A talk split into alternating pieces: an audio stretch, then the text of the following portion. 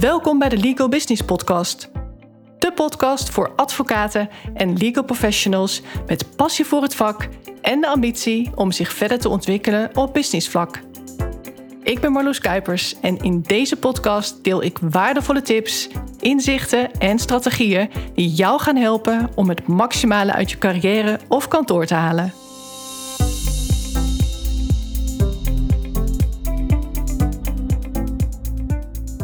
Heb jij een fixed mindset of een growth mindset?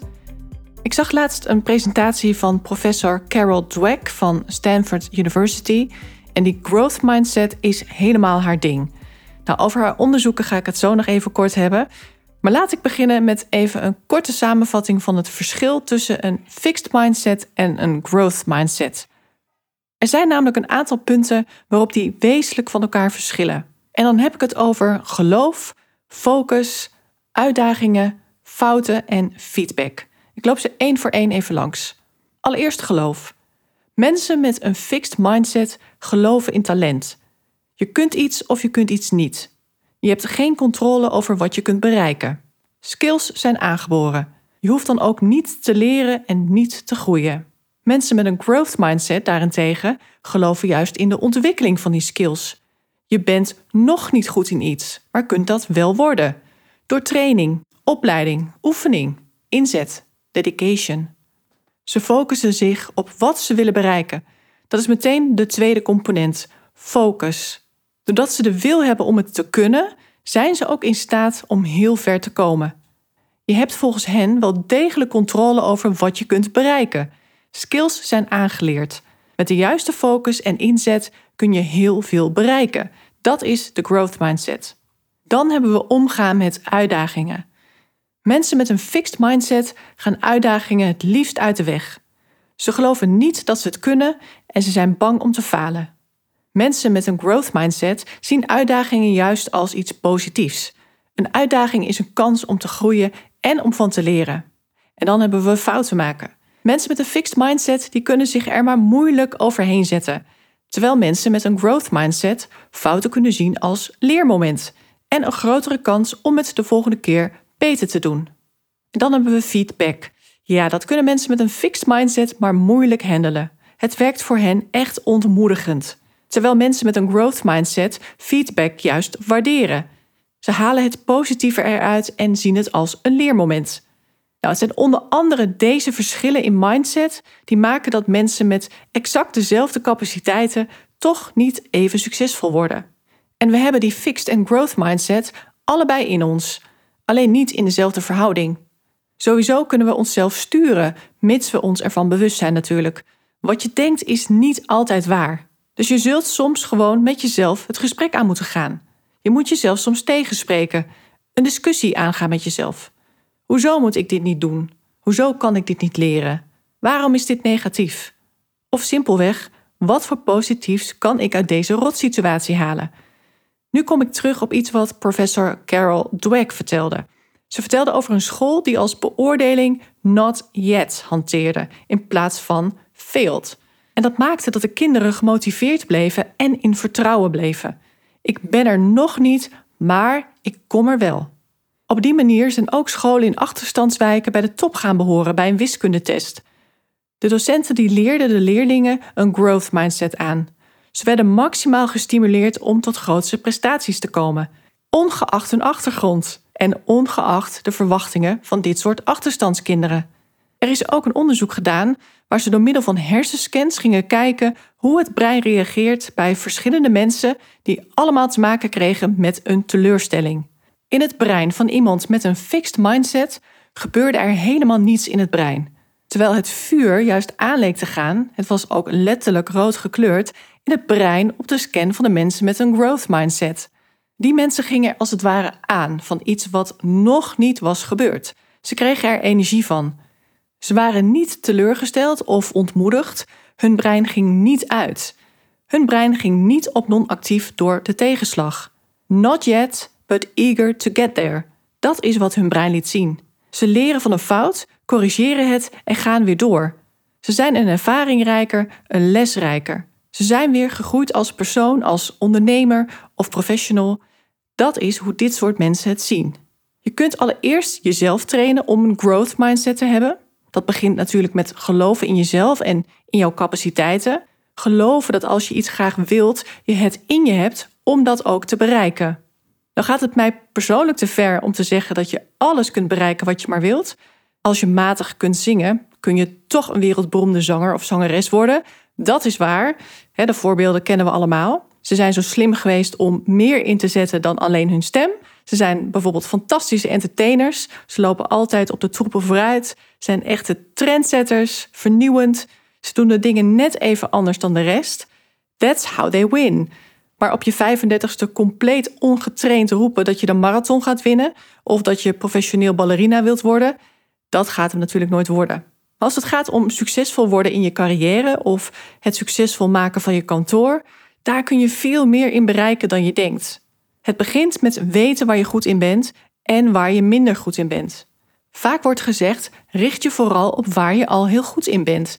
Ga vooral je talenten benutten door die verder te ontwikkelen.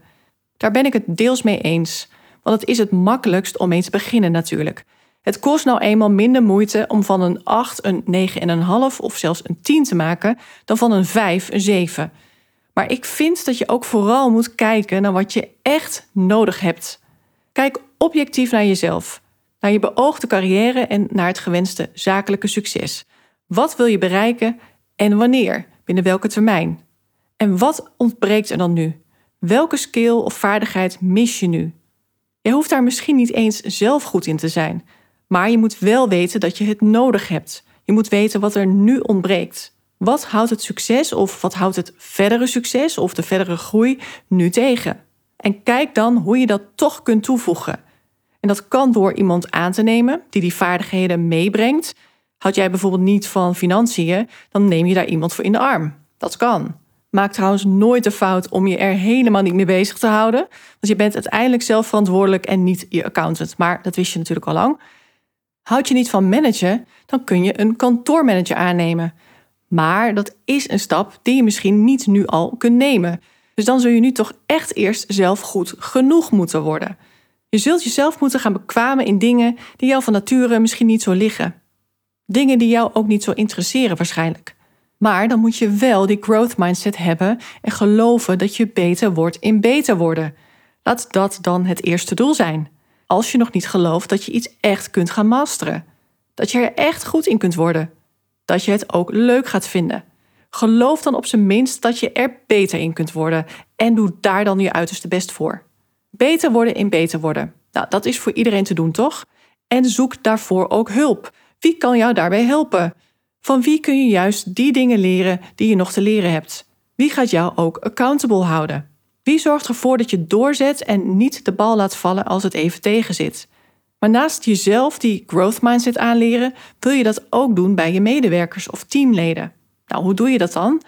Je kunt een growth mindset stimuleren door niet iemands aangeboren talent of intelligentie te belonen, maar juist iemands inzet, iemands motivatie, iemands vasthoudendheid, iemands strategie of focus, iemands visie en doorzettingsvermogen. De leercurve, het proces wordt dan als het ware beloond en niet zozeer het resultaat. Want wat ik net allemaal opsomde, dat zijn karaktereigenschappen die iemand kan aanleren en ontwikkelen. Intelligentie is daarentegen aangeboren en juist moeilijk te veranderen. Moeiteloos cum afstuderen aan de beste universiteit zal niet opgaan voor iemand met een gemiddeld IQ. Maar met de nodige inspanningen is natuurlijk heel veel mogelijk. En intelligentie aan zich is ook geen garantie voor een succesvol leven. Je moet er wat mee doen. Er zijn genoeg intelligente mensen die toch lui zijn, passief, ambitieloos, ongeïnteresseerd en ongemotiveerd. Zij kunnen in theorie wellicht heel veel bereiken, maar ze kunnen toch een fixed mindset hebben. Dat gevoel krijg ik ook wel eens bij mensen die zeggen dat ze bovengemiddeld intelligent zijn en daarom altijd hier of daar tegenaan lopen in het leven. Dat moet je vooral als een soort affirmatie keer op keer roepen, denk ik dan. Zelfs al zit er een kern van waarheid in.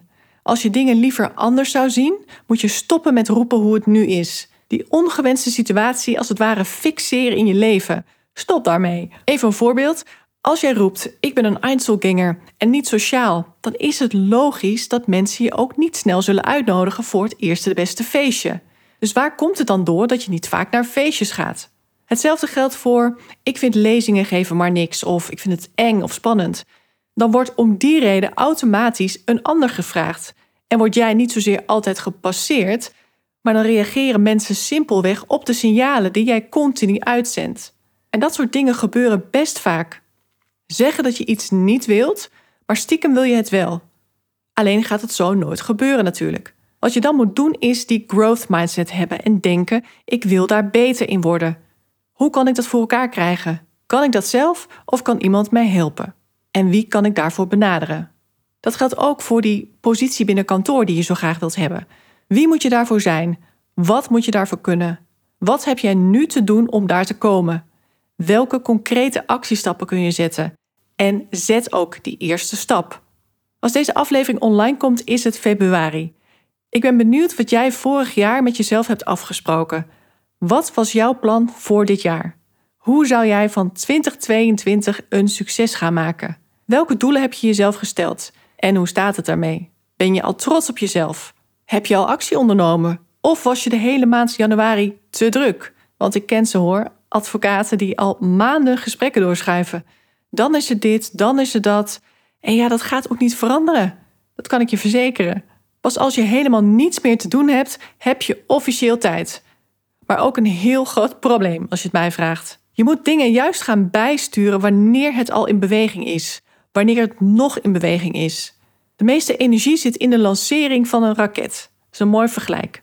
Als de raket eenmaal in de lucht is, dan gaat het vrij moeiteloos verder sky high. En dat geldt ook voor jouw praktijk of kantoor. Juist als je het druk hebt, moet je gaan bijsturen.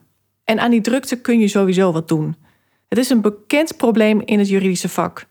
Een probleem dat zich niet vanzelf oplost.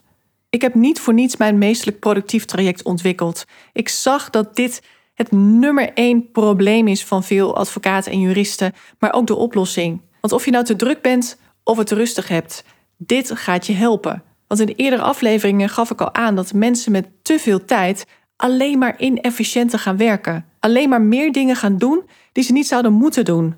Prioriteren wordt echt lastig als je weinig op je to-do-lijst hebt en veel tijd. En wat nou als je het ineens echt druk gaat krijgen? Je bent nu al druk, denk je. Dus is jouw grootste uitdaging op dit moment: hoe kom ik door mijn workload heen? Hoe kan het nou dat ik de hele dag gevuld krijg terwijl ik aan het eind van de dag toch niet tevreden ben? Hoe weet ik nou wat echt belangrijk is? Hoe krijg ik ruimte in mijn agenda? Hoe krijg ik overzicht?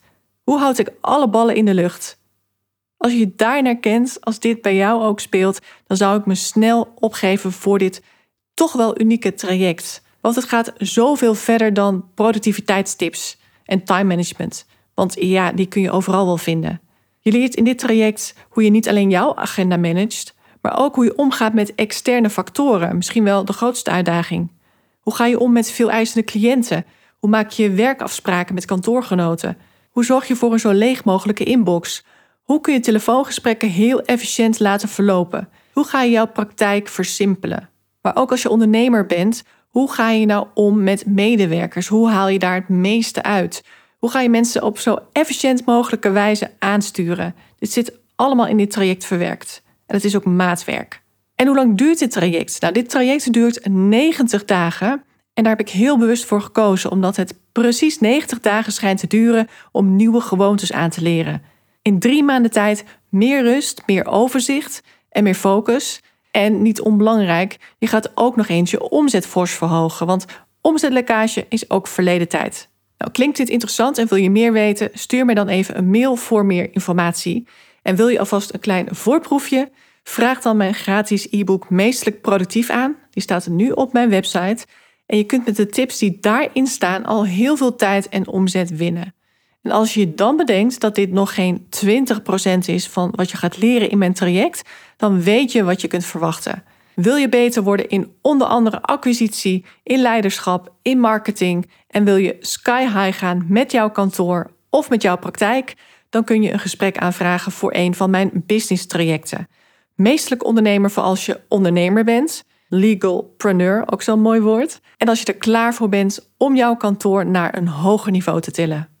En ben je nou een ambitieuze advocaat of jurist? En wil je het maximale uit jouw praktijk halen en uit jouw carrière op een manier die echt bij jou past, dan is het meesterschapstraject mogelijk iets voor jou. Je kunt er meer over lezen op mijn website en vervolgens een vrijblijvend intakegesprek aanvragen. En dit geldt natuurlijk ook voor jou als je luistert als partner of bestuurder of ondernemer en je hebt nu bepaalde medewerkers in jouw hoofd die wellicht de commerciële skills nog niet zo beheersen zoals je graag zou willen. Daar is dit business traject mogelijk ook perfect voor. Laten we er in ieder geval over in gesprek gaan. Er gelden sowieso bepaalde kwalificaties voor deelname, omdat ik zeker wil weten dat er resultaat behaald kan gaan worden.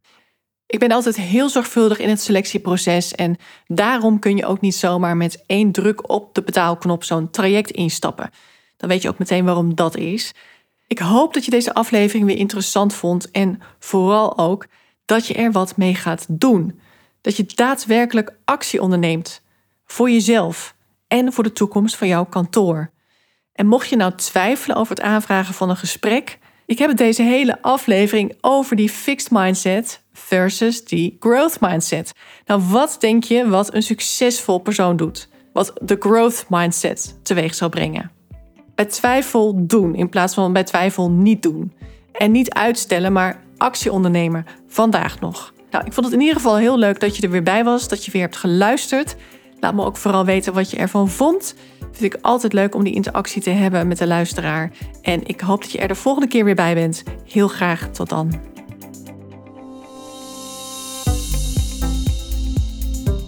Dankjewel voor het luisteren.